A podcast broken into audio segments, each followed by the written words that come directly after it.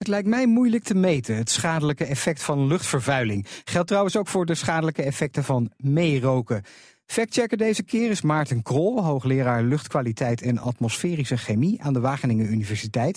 En ook hij vindt het lastig om de vergelijking te maken. De vervuiling die in de lucht zit, dat is van een andere categorie. Dat is een, mengsel en het is heel moeilijk te vergelijken met, met sigarettenrook.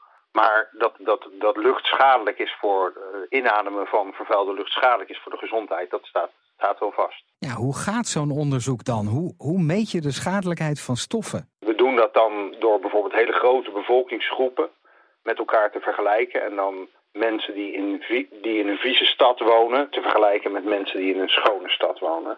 En dan te kijken naar wat, wat, uh, wat de, de ziektelast is daar en, en het vervroegd overlijden.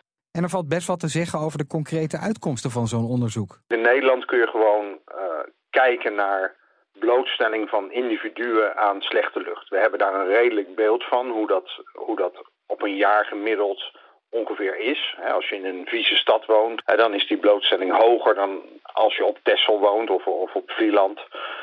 Um, en, en dat staat dus voor een aantal, ja, uh, een massa vieze lucht die je inademt, een, een, massa aan deeltjes. En je kunt dat vergelijken met uh, een hoeveelheid uh, schadelijke stoffen die in sigarettenrook zit. En hoe schadelijk is dat dan, heel concreet? Nou, daar valt wel wat over te zeggen. Ja, absoluut.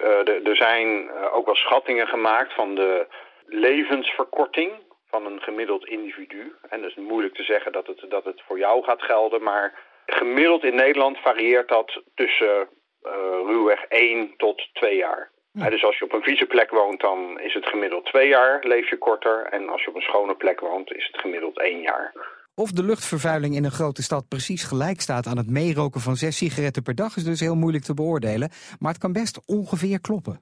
En we weten bijvoorbeeld dat de uitstoot van dieselauto's, er zit een hoop route in, dat is schadelijk. Dus misschien het beste vergelijkbaar met sigarettenrook. Maar uh, de stoffen die gevormd worden door bijvoorbeeld uh, de bio-industrie of de stikstofemissies uit auto's. Uh, daarvan is, ja, is wel onderzoek dat aantoont dat dat schadelijk is, maar hoe dat te vergelijken is met sigarettenrook, dat is een beetje lastig. Al met al beoordelen we de stelling daarom als... Deels waar.